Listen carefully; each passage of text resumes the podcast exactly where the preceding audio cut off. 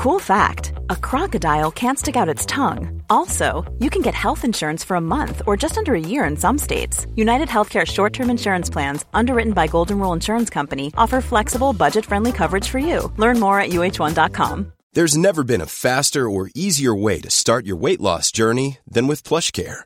PlushCare accepts most insurance plans and gives you online access to board-certified physicians who can prescribe FDA-approved weight loss medications like Wigovi and Zepbound for those who qualify. Take charge of your health and speak with a board-certified physician about a weight loss plan that's right for you. Get started today at plushcare.com slash weight loss. That's plushcare.com slash weight loss. plushcare.com slash weight loss. Hey there, it's Michelle Norris. I'm host of a podcast called Your Mama's Kitchen. When I travel, I'm usually looking for a way to find a taste of home when I'm not at home. And one of the things I love to do when I am at home is entertain. And Airbnb allows me to do that. When I was in California recently, I rented a house that had a great kitchen. And when we were sitting around the table, we we're all thinking, we're in someone else's house. Someone could be in all of our homes as well. If you have a home, but you're not always at home, you have an Airbnb. Your home might be worth more than you think. Find out how much at airbnb.com/slash host.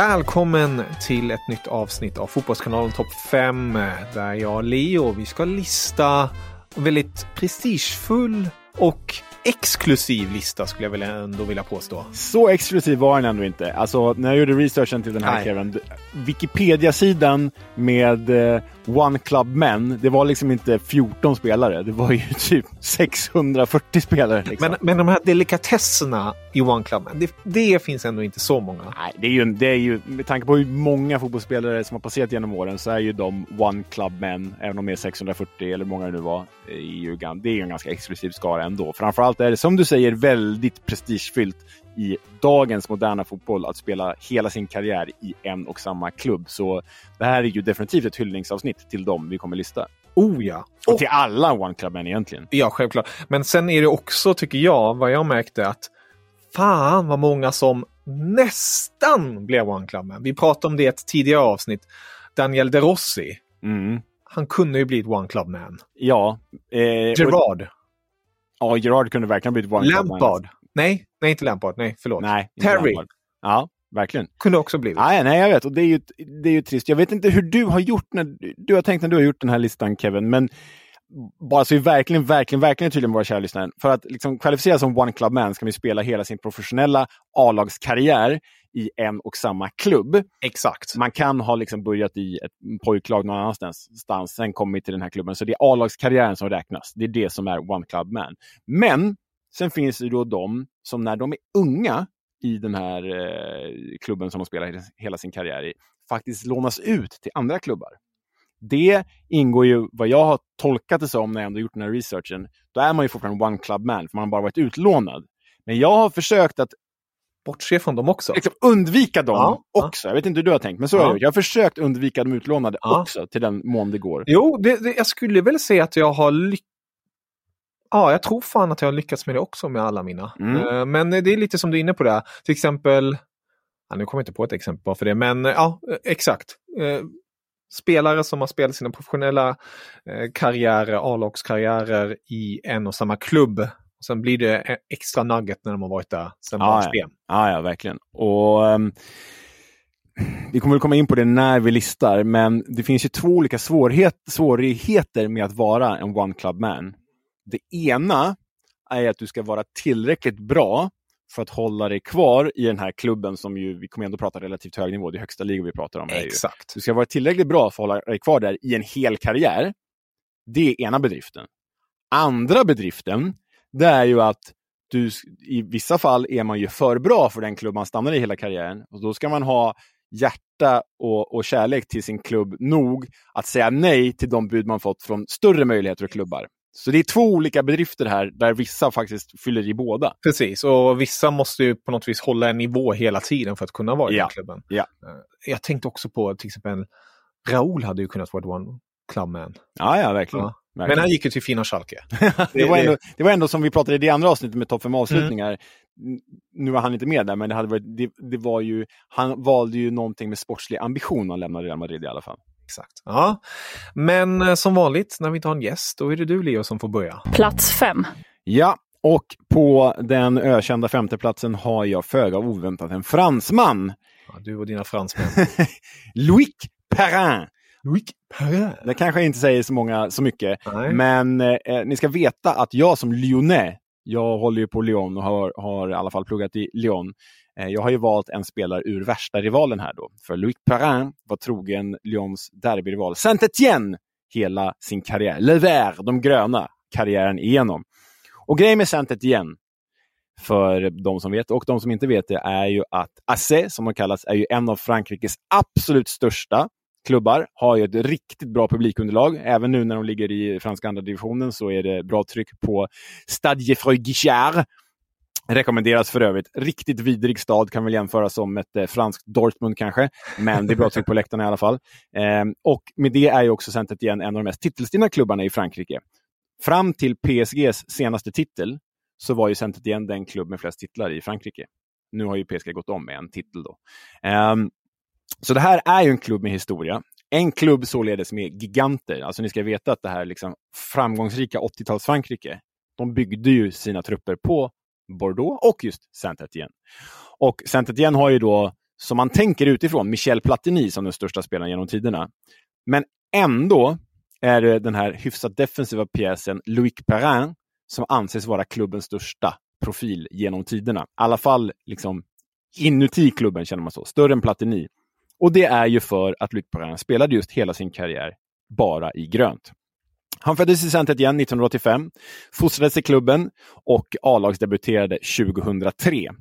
Därefter spelade han 470 matcher för Asse, tredje flest matcher i klubbens historia och han upplevde både spel i Ligue 2, alltså andra divisionen, och Ligue 1. Han var med om Europaspel, han var med om nedflyttningshot och det blev faktiskt bara en enda titel. Var ligacupen 2013. Och man ska ha med sig att Loic Perrin var ju en jagad man när han var som bäst. Vi snackar mellan att han var 24 och 29 kanske. Då var det klubbar som eh, Marseille ville ha honom, Bordeaux ville ha honom. Man ska komma ihåg att det här var ett stort och bra Bordeaux. Eh, PSG, inte Qatar PSG, men PSG ville ha honom också. Ändå större klubb än Saint-Étienne vid den tidpunkten. Men eh, Luc Perrin bet sig kvar, representerade de gröna och eh, Eh, han avslutade faktiskt karriären med final i Franska cupen 2020. Eh, de förlorade, mycket på grund av att Luc Perrin avslutade hela sin karriär med att göra en Zidane och ta ett rött kort när han skadade Kylian Mbappé. Så det är what a way to go alltså. Oj, oj, oj. Och Kylian Mbappé av alla spelare också. det, det, ja. Sätter man sig i rubrikerna, minst sagt. Ja, men det, det finns ju många exempel på den här typen av ganska mediokra spelare som ändå hade bättre chanser att kliva någon annanstans. Men han stannar ändå kvar, liksom, vad blir det då, 17 år i en klubb som som bäst kunde komma femma i Liga 1, fast han hade andra möjligheter. Det tycker jag är fint. Och klubben själv har ju alltså pensionerat hans tröjnummer och säger att han är den största, större än Platini. Och det är ju Då Det är är man det är sports, en sportslig osanning, Ja. men symboliskt en verklighet. Nej, vackert. Eh, Väldigt otippad. Jag kan ju vara ärlig och säga att han var inte med på min bruttolist. Nej. Men eh, jag är väldigt glad för den här historielektionen. Eh, det, det ska ni också vara lyssnare, ni som inte hade koll på den här fina spelaren. Men jag tänker faktiskt bege mig från Frankrike till England Mhm. och gå till en spelare som är född den 10 oktober 1966. Eh, det betyder att han, eh, när vi spelar in detta, nyligen fyllde 57 år. Och det här är en spelare som, eh, speciellt tror jag i, vi pratar ju ofta om generationer och så. Du är ju lite äldre än mig och du upplevde honom nog betydligt mer än vad jag gjorde. Och anse, många anser nog honom en av de största. Eh, han är enligt många den största och framgångsrikaste kaptenen i den här klubbens historia. Nu vet jag vem det är. Och eh, jag läste mig till att han tydligen var två gånger nära att gå till Manchester United. En gång som 19-åring, Mhm. men då eh, ville han inte för att han var för hemmakär. Han ville vara kvar i London och inte åka till Manchester. Och sen eh, ett par år senare då United eh, satsade och då gick han tydligen upp till ägaren i klubben och sa Kommer vi satsa? Ska vi göra någonting? Och det slutade med att han fick fördubblad lön och man värvade in ett par duktiga spelare som du tycker om eh, och även fick in en viss tränare vid namn Arsene Det är Wenger. Tony Adams där förstås. Och det här är Tony Alexander Adams som eh, jag pratar om här. Eh, En spelare som jag egentligen inte har någon speciell anknytning till alls. Men när jag tittade igenom och tittade på flera spelare så tycker jag på något sätt jäkla imponerande av honom att eh, stanna kvar så länge i den här klubben. Eh, självklart i Arsenal, det är en stor klubb, det är en fin klubb, men det är ändå eh, när man kan gå till andra klubbar med tanke på hans status som engelsman och att han var där nästan 700 matcher, A-lagsmatcher. Alltså det är mäkta imponerande siffror. Och eh, jag får villigt erkänna att Adams inte är med på min lista, men hade jag haft en sjätte plats så är ju Tony Adams med där. För det här är också kapten Adams som går från, han överlever ju övergången mellan boring, boring Arsenal Exakt. till Wengers Arsenal som kanske var det roligaste laget i världen i ett par år. Och han som stabbig, får man ändå erkänna, mittback, klarar den övergången för att han har hjärta, för att han har hjärna och eh, eh, för att han lyckas dölja sina missbruksproblem också. Det finns ju en missbrukshistoria där, stackaren. Men, men han, han lyckas kompensera för sina sportsliga brister, som han ändå hade genom att vara klok på planen och genom att visa hjärta för klubben. Så nej, men Tony Adams är ju um, eh, app, ska absolut diskuteras i de här sammanhangen. Ja, kul. Ja, det, det var i alla fall hans, hans tränarkarriär kan vi diskutera var mindre framgångsrik. Han har varit i Azerbajdzjan bland annat vet jag. Ja, han varit i Vicombe, Vanders, Portsmouth var han ass och Vad fan hände? Wickham Wanderers? Wickham Wanderers. Wickham Wanderers? Wickham Wanders! Vad fan? Du var ju med i en engelsk podcast häromdagen, så här hoppas jag inte prata. Wickham Wanders! Nej. Nej. Eh, Nej, nu tar vi det en gång till. Det här, ladies and gentlemen, det här är alltså inte stageat, utan det här är... Du måste ju ha hört mig och Kisk säga Wickham tusen Ja, gånger i Championship-podden. Hjärnan bara la av. Jag märkte det. Wickham Wanderers, ja, Portsmouth och ehm, laget du nämnde tidigare, Kväbele. Ka- Kab- Kabala, Kebele, skitsamma. Kebele. Azerbajdzjan i alla Och fall. Granada. Oh, just det. Mm. Det är den där roliga videon när han står och har några dansgrejer. Ja, Tony Adams är Ja. på plats fem hos mig. Ja, ja, det är bra. One size fits all seemed like a good idea for clothes Nice dress. Uh, it's a it's a t-shirt. Until you tried it on. Same goes for your healthcare. That's why United Healthcare offers a variety of flexible, budget friendly coverage for medical, vision, dental, and more. So, whether you're between jobs, coming off a parent's plan, or even missed open enrollment, you can find the plan that fits you best. Find out more about United Healthcare coverage at uh1.com. That's uh1.com. Mom deserves the best, and there's no better place to shop for Mother's Day than Whole Foods Market. They're your destination for unbeatable savings, from premium gifts to show-stopping flowers and irresistible desserts. Start by saving 33% with Prime on all body care and candles. Then get a 15-stem bunch of tulips for just $9.99 each with Prime. Round out Mom's menu with festive rosé, irresistible berry chantilly cake, and more special treats. Come celebrate Mother's Day at Whole Foods Market. Since 2013, Bombas has donated over 100 million socks, underwear, and t-shirts to those facing homelessness. If we counted those on air, this ad would last over 1,157 days. But if we counted the time it takes to make a donation possible, it would take just a few clicks. Because every time you make a purchase, Bombas donates an item to someone who needs it. Go to bombas.com slash ACAST and use code ACAST for 20% off your first purchase. That's bombas.com slash ACAST, code ACAST.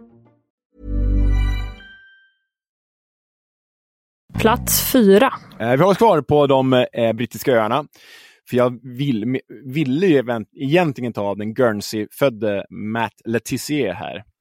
Ja. Och Det är han med de snygga målen. Ja, ja, det är ju alltså dåtidens Javier Quagliarella. Han var ju club legend i Southampton, gjorde bara snygga mål, blev uttagen i årets lag 95 i Premier League tror jag, vinner assistligan. Var ju en så här härlig, en engelsk bergkamp, eh, ser ut som vilken britt på puben som helst och spelade hela karriären i Southampton, trodde jag. För, Aha. ja, för när han eh, la av så trappade han tydligen ner i Eastleigh i National League och sen även i, på sin hemmaö Guernsey. Så han räknas inte! Matt Letizia räknas inte! Och det här är säkert en sån fotbollens osanning som far omkring, att han är en one club man. Men Ja. det är han alltså inte! Det konstaterar jag nu. Ja, Matt Letizia platsar inte, så Nej. skicka inga arga mejl, för han platsar inte. Mm. Men jag håller mig kvar på eh, de brittiska öarna och väljer en irländare. Man ska väl eh, ur irländska ögon säga. Irish. Ja, inte kalla det för brittiska öarna, då, för då blir de eh, ledsna. Så de brittiska öarna och Irland. Eh, och då har vi kommit till Leeds-ikonen, irländaren Gary Kelly. Eh, han kom ju till Leeds eh, 1991, 16 år gammal. Där gjorde han ett år i ungdomslaget innan han fick chansen i A-truppen och eh, Englands högsta serie. Eh, lagom till eh, Premier League då egentligen. I hans första säsong fick han visserligen bara speltid i två matcher, men den säsongen vann Leeds också ligan.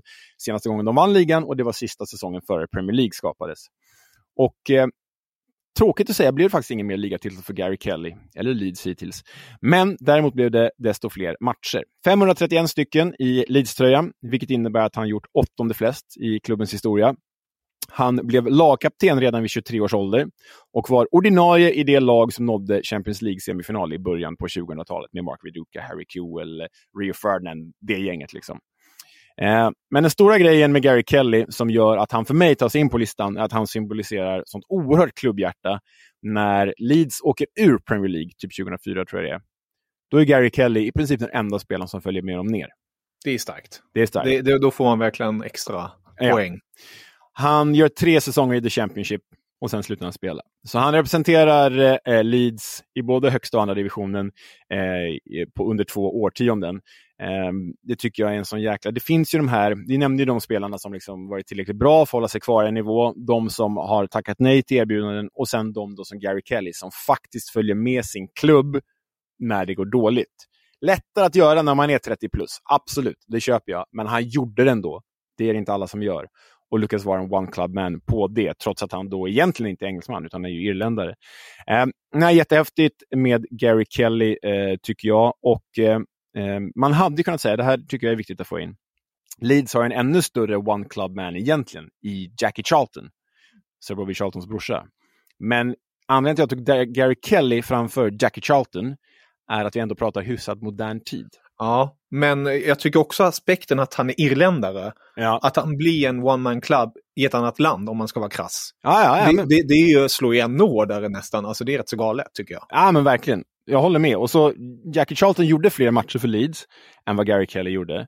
Men jag vill ändå som den tids, eh, eh, ja, men, tidsrasist jag uppenbarligen är, vill jag ändå göra tydlig skillnad på ett liksom före och efter. För det var lättare på den tiden när fotbollen var inte så globaliserad och professionaliserad och ekonomiskt pumpad som den är nu.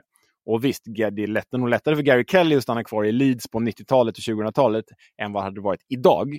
Absolut, men det var lättare för Jackie Charlton att stanna i Leeds än vad det var för Gary Kelly att stanna i Leeds. Fler locktoner, mer pengar någon annanstans. Så därför väljer jag Gary Kelly framför en annan legendar som Jackie Charlton. Mm. Bra resonemang. Eh, Jag går ju bara rakt igenom och förstör din, eller förstör den, jag, jag skiter i din tidsintervall här och går till... Förlåt, förlåt, förlåt, jag har en passus, förlåt, jag Ja, har bara en rolig detalj. Ja. För de som bryr sig, Ja. förlåt, det har med Gary Kelly att göra, därför jag avbryter. Jag vet inte om du minns, men Gary Kelly spelade ju högerback i det Leeds som gick till semifinal Mm. i Champions League. Vänsterback var Ian Hart. Ah, också irländsk landslagsman. Också flyttade eh, som tonåring till Leeds. Blev tyvärr inte one club man. Han flyttade till Levante och klubbar sen och Reading och sådär. Men det skilde två år i skillnad med de här. Gary Kelly var två år äldre än Ian Hart. Och det är tydligen så att Gary Kelly var Ian Harts morbror. Va? De spelade samma ungdomslag, oj, okej. kom till Leeds samtidigt, spelade A-laget samtidigt, irländska landslaget samtidigt. Så två års skillnad. Ändå var Gary Kelly morbror till Ian Hart. Men det har att göra med att Gary Kelly var yngst av 13 syskon också. 13? Jajamän! Jag kunde skapa sin egen klubb och vara, vara en klubb. Åh, herregud. Ja, det, var, det var en rolig fun fact. Mm. Mm. Ja, du kommer med dina nuggets där hela tiden. Ja, här kommer jag och backa bandet. Det är kanske första gången jag, jag av alla backar bandet. Det brukar ju vara du som tar fram historieböckerna och bläddrar ordentligt i dem. Nu, nu är det jag och vi backar bandet ordentligt och går tillbaka till en tid där vi pratar, eller vi, eh, i Tyskland till exempel pratar om Das Wunder von Bern. Det är ju eh, VM 1954 i Schweiz där Tyskland vinner sitt första mästerskap, eller rättare sagt Västtyskland. eh, Ska Är, säga. det, är, är det då det regnar eller inte regnar? Ja, det, det regnar och det är mot Ungern, Tyskland, Just det, Ungern. Är extrema favoriter. Ja. Men Västtyskland lyckas vinna med 3-2. Och eh, det finns ju självklart flera hjältar i detta Tyskland, men det finns en spelare som sticker ut allra mest. Är det något du vill säga? Nej? Nej, men jag bara, det här är ju typ som att Tyskland vann den här finalen. Mm. Det är väl typ som att Sverige skulle vinna en VM-final idag mot Argentina. Ja, Ja. lite så. Mm. Det är bra, bra att lägga in det i den kontexten. För Tysk, som sagt, Tyskland var ju splittrat. Det var, det var, det var inga trevliga tider i Tyskland Nej. vid den här perioden. Men eh, detta Tyskland vinner alltså, gör Das Wunder von Bern, alltså undret i Bern i, i Schweiz då. Och ehm, tar hem glädjen. Och det är en spelare som spelar då till vardags i FC Kaiserslautern, den här magiska traditionsverein som man säger i Tyskland. 384 matcher där, 327 mål. Ja, det är. Det, det är en sanslös siffra som han skrapade ihop där. En första spelare som tas ut i Tysklands Hall of Fame. Eh, Och eh, alla, alla i Tyskland vet vem det är, kanske inte alla som har sett honom spela, men det är en man vid namn Fritz Walter. Fritz Walter stadion tänker man ju direkt på då ju. Exakt. Det är väl Kaiserslautern Ja, mm. Ja. Mm. Så eh, det här är en... Jag har ju bara sett klipp av det här och jag vet att min morfar pratar väldigt mycket om honom. Det är ju en av hans första stora idoler på det sättet. Eller han var ju lite äldre då redan, men ja. I alla fall ett, på något vis, ett hoppfullt Tyskland framåt i tiden och, och man pratar fortfarande om Das Wunder von Bern med, med glädje. Mm. Jag eh, kanske missminner mig här, men är det inte så att det finns någonting i Tyskland som heter Fritz Walter-väder? Yes, det finns det. Så när det regnar, ösregnar Ja, säger man ja. att det är Fritz ja. Det fan vilken legendstatus. alltså. Och det finns också en medalj som Fritz Walter så här, för ungdomsspelare varje år som utmärker sig. Alltså Fritz. Walter-medaljen. Så det, det är mycket, Fritz Walter är ju verkligen en, en ikon inom tysk fotboll. Han kommer alltid av skuggan från spelare som eh, Franz Kaiser Ja. Beckenbauer, Gerta Bomba Müller och så, sådana spelare. Men Fritz Walter är ju lite innan dem.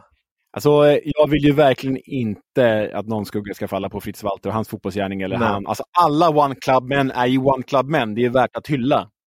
Jag tycker fortfarande att tidsaspekten är så här. Lättare då, mindre alternativ då, mindre möjligheter då. Sen kan han absolut ha tackat nej till någon annan storklubb. Jag menar, Kaiserslautern var ju ändå väldigt stora då också. Det är inte som att man hade haft en hel karriär i Kaiserslautern idag. Nej. Eh, jag, jag vill, svårt att basha någon som är med på en sån här lista, för alla har gjort sin gärning. Ja. Men jag tycker att tiden är, en, för mig i alla fall, ganska avgörande här. För jag går liksom inte längre bak än, än eh, Gary Kelly egentligen. Ja, nej, jag, jag, jag köper det, men för mig, jag vet inte, när jag gick igenom och bara fan, jag, jag vill få in honom ändå. Ja, det är en stor, det är en stor. ikonisk status och alltihopa. Eh, Men ja, jag, jag köper det du säger, men Fritz Walter på min fjärde plats. Plats tre. Ja, ehm, vi kör då. Jag har klivit, tagit klivet till Katalonien och en personlig favorit och det är ju Carles Puyol som spelade med hjärtat utanpå tröjan och heart on the sleeve och allt det där. Ehm, han kanske är den mest imponerande One Club-mannen av alla. Jaha, och Eh. han kom på din tredje plats. Han kommer på tredje plats. Det är Men, logiskt. ja, men det, jag kommer till det. Men resonemanget jag för kring Puyol, det är att han behövde ju kämpa för att hålla sig på den nivå han gjorde. För vi vet ju, vi som såg Puyol, vi som kommer ihåg Puyol, Mm. Det var ju liksom vilja, inställning, hjärta och hjärna. Vi har ju pratat om honom i Kaptener, tror jag det var, kaptensavsnittet. stämmer. Ehm, och han kom ju fram genom Louis van Gaal 1999 i det Barcelona som inte var så bra. Jag menar, det Barcelona som inte var så bra, nej, de kom inte tolva, men de kom typ fyra och hade problem. Ehm, och ett par säsonger i det här Barcelona där de kom fyra, de kom till och med sex under Antics ledning i början på 2000-talet. Och det var en Puyol som tog plats genom sin inställning. Och här är ju resan ganska lik det som ehm, eh, vi pratade om alldeles nyss. Förlåt. Eh, Fitzwalter? Nej, den, din föregående. Förlåt. Uh, Tony Adams? Precis, den är Ja. rätt lik Tony Adams. För Ja. Puyol är ju med i, i, i förvandlingen av Mm. Barcelona. Alltså Puyol är ju en, tillsammans med Xavi, är ju resterna av det dåliga Barcelona som kommer sex under Radomir Antic. Får jag bara hoppa in här? Ja. Xavi. Han hade också kunnat bli one man club. Han borde verkligen ha blivit det. Vad tusan. Ja, fortsätt, förlåt. Och eh, nej, men Xavi och Puyol, de är ju liksom resterna av det gamla sopiga, ganska underhållande Barcelona, men liksom så här Saviola, Rochenbach, Fredrik de Hy Barcelona. Och är kvar genom förvandling genom Rijkaard och Guardiola till världens bästa klubblag. Puyol klarar katten liksom. Han klarar gallringen för att han har hjärta för den klubb och den region han spelar för. Sen är det klart att den var en bra fotbollsspelare, men jag menar sett i övriga Barcelona, alltså jämför med då Xavi, Iniesta, Ronaldinho, Eto'o, Henry, alla de som spelade där sen när de blev som bäst. Messi då förstås. Puyol var ju inte nära med bollen, men utan boll så var ju han kanske bäst i världen med, om man mäter inställning. Mm, Liksom. och det är det som gjorde att han kunde vara kvar på den här nivån genom hela karriären. I, ja, men, han gick från att vara en liksom, krigande spelare i ett uselt ojämnt Barcelona till att vara en ledarfigur i världshistoriens kanske bästa klubblag. Det är en jäkla resa. Alltså. Det är en ordentlig resa. Man sen, eh, försöker komma på här, det har ändå inte funnits så bra försvarare i Barcelona. Alltså, ska inte vara krass, men förstår vad jag menar när du pratar om här Ronaldinho och Xavi så här, spelmässigt. Det, det är så här absoluta toppen på sina positioner. Men tittar man på positionerna, så här, Piqué var ju bredvid honom. Det- Mascherano var fantastisk. Ja, men äh, ingen mittback Jordi egentligen. Alba, Jordi- fantastisk. Ja, jo, ja, jo. Men jag tänkte mittback, så, Ja, så, ja, som, ja. de har aldrig haft ett... Det känns som, precis som du är inne på här, de levde på att Puyol styrde sin partner och att man bara man kämpade till sig och egentligen gjorde, ja, resterande lag höll i bollen. Försvaret kom ju högre, högre upp i banan igen. Exakt, Man ja. höll ju boll, det var försvaret liksom. Exakt. Ja, nej. Nej, men eh, jag tycker Puyol eh, ska vara med här. Och på ett sätt, för jag tror inte han kommer nämnas här heller, för det finns många Manchester United-ikoner som skulle kunna nämnas. Ja. Jag nämner inte dem nu, förutom en. Det är ganska likt Gary Neville. Mm. Gary Neville var ju inte lika bra som resten av det där Manchester United-gänget. Men han körde sin One Club Man-gärning på grund av inställning, tack vare inställning. Precis som Puyol, och det respekterar jag rejält. Kan vi också slänga in Jamie Carragher i den högen, eller? Ja, absolut. Eller- absolut. eller- Ändå snäppet, Jamie, visst att han Visst, de vann ju Champions League. Man ska, man ska, absolut, jag förstår det du säger. För det är, det är Det är ändå en, det är ändå en stor klubb. en av världens största klubbar. Men det var ju ett Liverpool som var överlag ganska Ja, dåligt. Jo, det det, var ju, har du rätt i.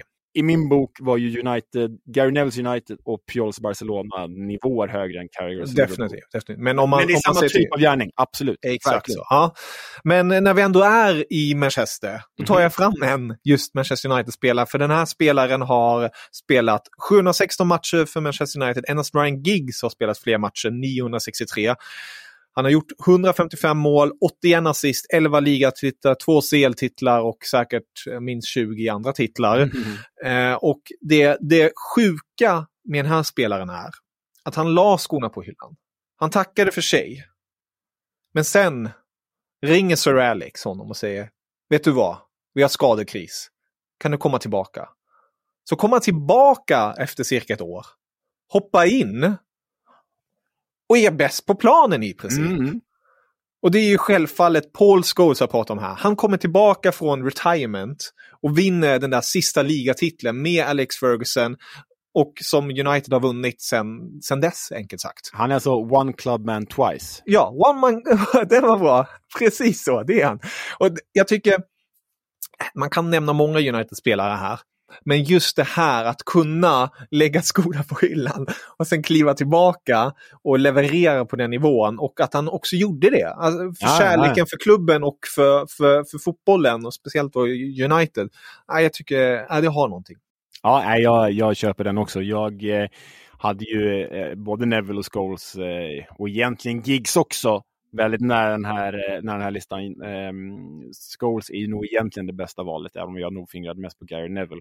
Eh, Giggs överskuggas ju av massa andra saker. så. Men, men jag tycker egentligen att det du säger om Scholes, att han slutar spela, kommer tillbaka, gör honom till en ännu större One Club Man än, än både Neville och, eh, och Giggs. Faktiskt. Precis. Ja, nej, det är Paul Scholes på min Mm, tredje den är bra. plats. Ja, Du lyfter honom många gånger. ja, det har blivit det. Plats två. Nej, Kevin, nu är vi på andra platsen. Jag tycker inte att det går att göra en sån här lista utan Mr Milan, utan Paolo Maldini. Och egentligen hade ju den här listan kunnat vara tre Milan-spelare. Och med rätta också. Jag valde att ta en så får han representera alla tre egentligen. För Billy Costa Curta, att jämföra med Carlos Piols och Gary Nevilles eh, sätt att hålla sig i världens bästa lag, fast man kanske inte var lika bra som de andra. Franco Baresi och Paolo Maldini.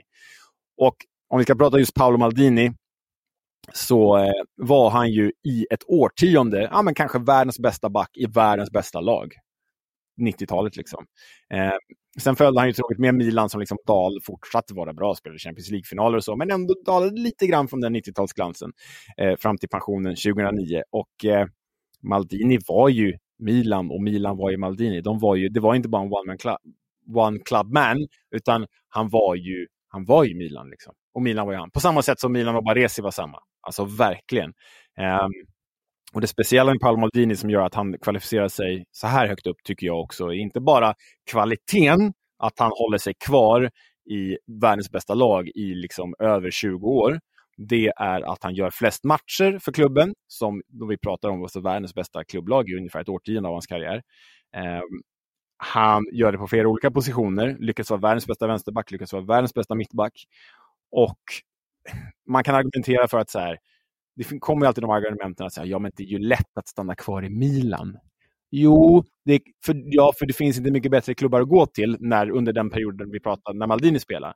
Men det är inte lätt att Hålla sig kvar, på den nivån. Nej, för att hålla sig kvar på den nivån. Exakt. I, i, alltså han gör över 900 matcher. Ja, det är helt sanslöst. Och eh, det som är extra speciellt är ju att det är också en så här one club generation. För pappa, Cesare Maldini i Milan, Paolo och sen nu sönerna då med främst Daniel. Han var väl utlånad till Spezia förra säsongen. Men ah, alla i Milan, så det är en familjetraditionskoppling det här, vilket är väldigt fint. Ja, det är, jag kan bara hålla med. Han är också på min andra plats. Ja, det är, det, det är, jag har alltid varit svag för Paolo Maldini. Jag tycker, precis som du varit inne på det, här, det är, det är så många, alltså, från 80-talet, det är bara att försöka få det framför sig, en kalender. Han är från 80-talet till slutet av 00-talet. Nej, det är Han, han, är ju, han, han, han mötte till exempel Ronaldo och han hade spelat innan Ronaldo ens var född. Mm. Alltså det, det är bara det här bisarra att han håller sig på den nivån på, på det sättet också. Alltså han är ju den spelaren,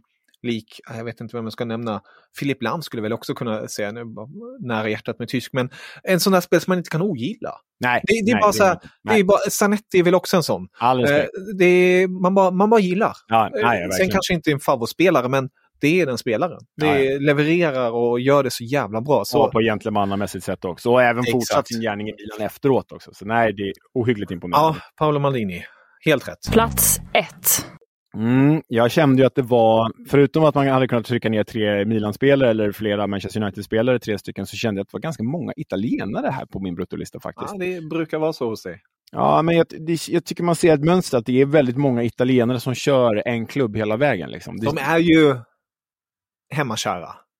Ja, det är de ju. Men det, finns, det här är också, det blev lite konstigt för mig, för när man tittar på italiensk fotboll så ser man många journeymans också. Vieri representerar Ah, 20 rätt i. klubbar och Quagliarella 10 klubbar och Toni 15 klubbar och sådär. Men eh, jag tar en italienare ändå på första plats. Och det är ju Francesco Totti. För det som i mina ögon skiljer Totti från Maldini, det är att det faktiskt var svårare för Totti att vara lojal än Maldini. Och vi pratade om det så här att Maldini krävdes enorm högsta nivå i 20 års tid för att spela i det Milan han gjorde. Absolut. Totti krävdes inte, lik, inte riktigt lika hög nivå för att spela i det Roma som han spelade i, men han spelade ju långt över den nivån. Han spelade ju faktiskt på en nivå som hade kunnat vara Grande Milan hela karriären igenom.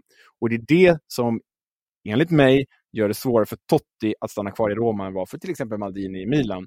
För Totti fick ju anbud från Abramovic Chelsea, från Real Madrid, från Barcelona, från Qatars PSG och så vidare. Och så vidare. Från Juventus och så vidare. Men han stannade i Roma, trots att det bara blev en ynka ligatitel och två cupbucklor.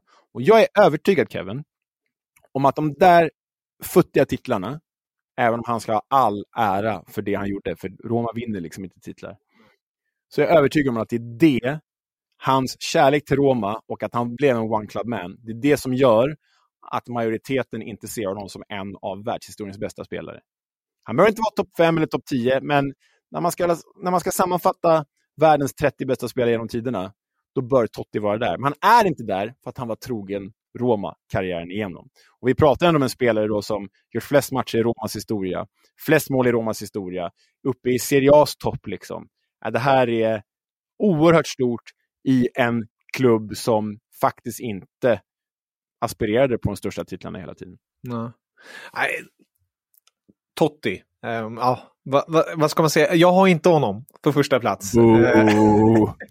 Men självfallet eh, tänkte jag på honom när man gjorde den här listan.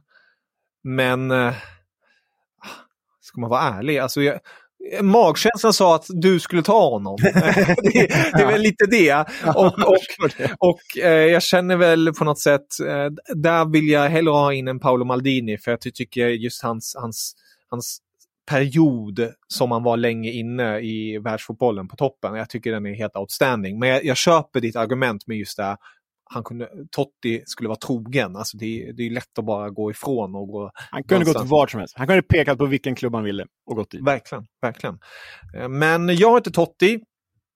Jag har varit så fräck. För ni lyssnar, ni kanske har märkt, vi har ju tagit spela One Man Club, One Club Man.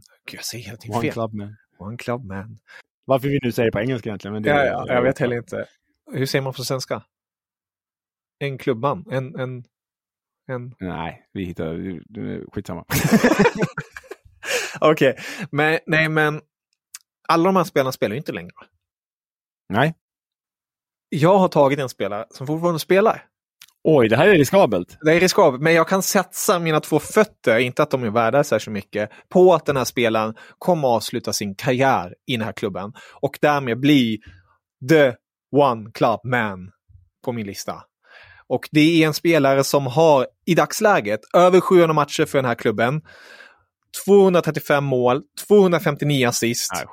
Nej, eh, varit i klubben sedan han var 11 år gammal. 12 eh, ligatitlar, två CL-titlar och släng på massa andra titlar. Eh, han är den här spelaren som man tittar på honom och tänker vad, vad har han egentligen för egenskaper? Och vad gör han egentligen på den största av största scenerna i fotbollen? Men han är det och han är det år efter år efter år och han symboliserar klubben och hela eh, det folket, om man nu ska kalla det så, så jäkla bra. Eh, så att han är ju en, en symbol också. Kan han vara tysk? Han kan vara tysk och han är tysk. Och det är ju Thomas Müller jag pratar om här. Det är, äh, här men, ja, det är en subjektiv lista och här är jag extremt subjektiv för att det är en av mina favoritspelare genom tiderna. För att det är en spelare som har gett mig extremt mycket glädje och bara hans hans blotta närvaro och sättet att agera på planen och vara och öppenhet. Han är, han är för mig Eh, också rent så här eh, spelmässigt men även människomässigt som professionell fotbollsspelare. Den typen jag gillar mest. Verkligen. Galen men även kan bjuda på sig själv på ett mm. väldigt skönt sätt. Han har hittat en enorm bra nivå där. Och har varit i Bayern hela sin karriär. Ja, alltså hade vi pratat om en spelare som har, där, där vi visste att det var klart, fine, jag är med dig. Alltså Müller är ju... Müller är lite att likna vid Totti, inte samma höjder, men liksom lika underskattad som Totti var bra. Typ ja. så. Eh, haft möjlighet att gå någon annanstans. Eh, hållit sig, tvingat hålla sig på den här extremt höga nivån som Aldini gjorde. Så hade han slutat igår, hade jag hållit med dig. Det är klart att Müller ska med på den här listan. Men nu är det ju läskigt. Han brottas med speltid. Det kommer ett januari. Vi har ett Saudiarabien och ett MLS som vill rycka i spelare. Alltså, han Who kommer, knows? Nej, nej, nej. Knows? Han vill inte lämna sin bondgård i München. Jag säger, att du, jag säger att du spelar ett högt spel här som väljer en, fortfarande en aktiv spelare. Det, du kan få rätt, men du kan också liksom, ha bränt en plats på din lista här. Nej, nej ja, ja, vi, vi kan återkomma när han har lagt ja, skorna på hyllan. Jag, hoppas, jag hoppas att du får rätt. Ja, det vill jag föra till protokollet. Jag hoppas du får rätt. Ja, det tror jag ändå. Det tror jag ändå. Ja, Mulla som sagt. Blev ändå lite tyskt eh, från mitt håll här, men... Det är klart det blev. Eh, det är svårt. Det, tyska har också varit rätt så bra, eller vissa av dem uh, har varit bra på att hålla sig till en klubb. Du, vi hade ju ingen svensk på någon av våra listor. Nej. Men jag tycker att det ändå är lämpligt att nämna de svenskar som fanns på våra bruttolistor. Mm. För att vara one club man i svensk fotboll, det, Det är svårt. Det är svårt. För antingen är det så bra så att större klubbar kommer rycka i dig inom Sverige, eller Norden eller Europa och då går man ju i regel. Och om du inte är tillräckligt bra, hur ska du då lyckas hålla nivå så att du... Om du är tillräckligt bra för att gå liksom från, jag vet inte, vita på, från Örebro till Malmö, hur ska du då lyckas hålla den nivån att du håller dig kvar i Örebro i 20 års tid? Så det är en enorm bedrift och därmed vill vi väl säga ett stort tack till följande spelare för att ni har lyckats med den här bedriften. Kristoffer Källqvist i BK Häcken. Här får du lägga in applåder Kevin, för det är oerhört imponerande. Ja. Eh, Petter Wastå i Kalmar FF. Fredrik Fendrich i J Södra. Och då den mest självklara i svensk fotboll, Henrik Rydström, Kalmar FF. Så stort tack för att ni lyckas med de här bedrifterna. För det, vi, är vi står oerhört imponerande inför eh, era gärningar. Verkligen. Ja, och med det sagt får ni jättegärna skicka in era listor som vanligt och vi hörs helt enkelt nästa vecka. Eller när som helst. Det är bara att lyssna på gamla avsnitt. Så, så hörs vi. Eller? Leo? Borde man ha sagt Per Karlsson där också? Spelade han, spelade hela karriären i AIK? För det är riktigt, riktigt svårt om man inte nämner honom. Hörrni, häng kvar allihopa. Per Karlsson spelar väl säkert hela karriären i AIK. Ah, han åkte ändå på två utlåningar i Väsby och Åtvidaberg. Men det blev en one club man så Per Karlsson, hatten av. Jawohl. Auf Wiedersehen. Hej.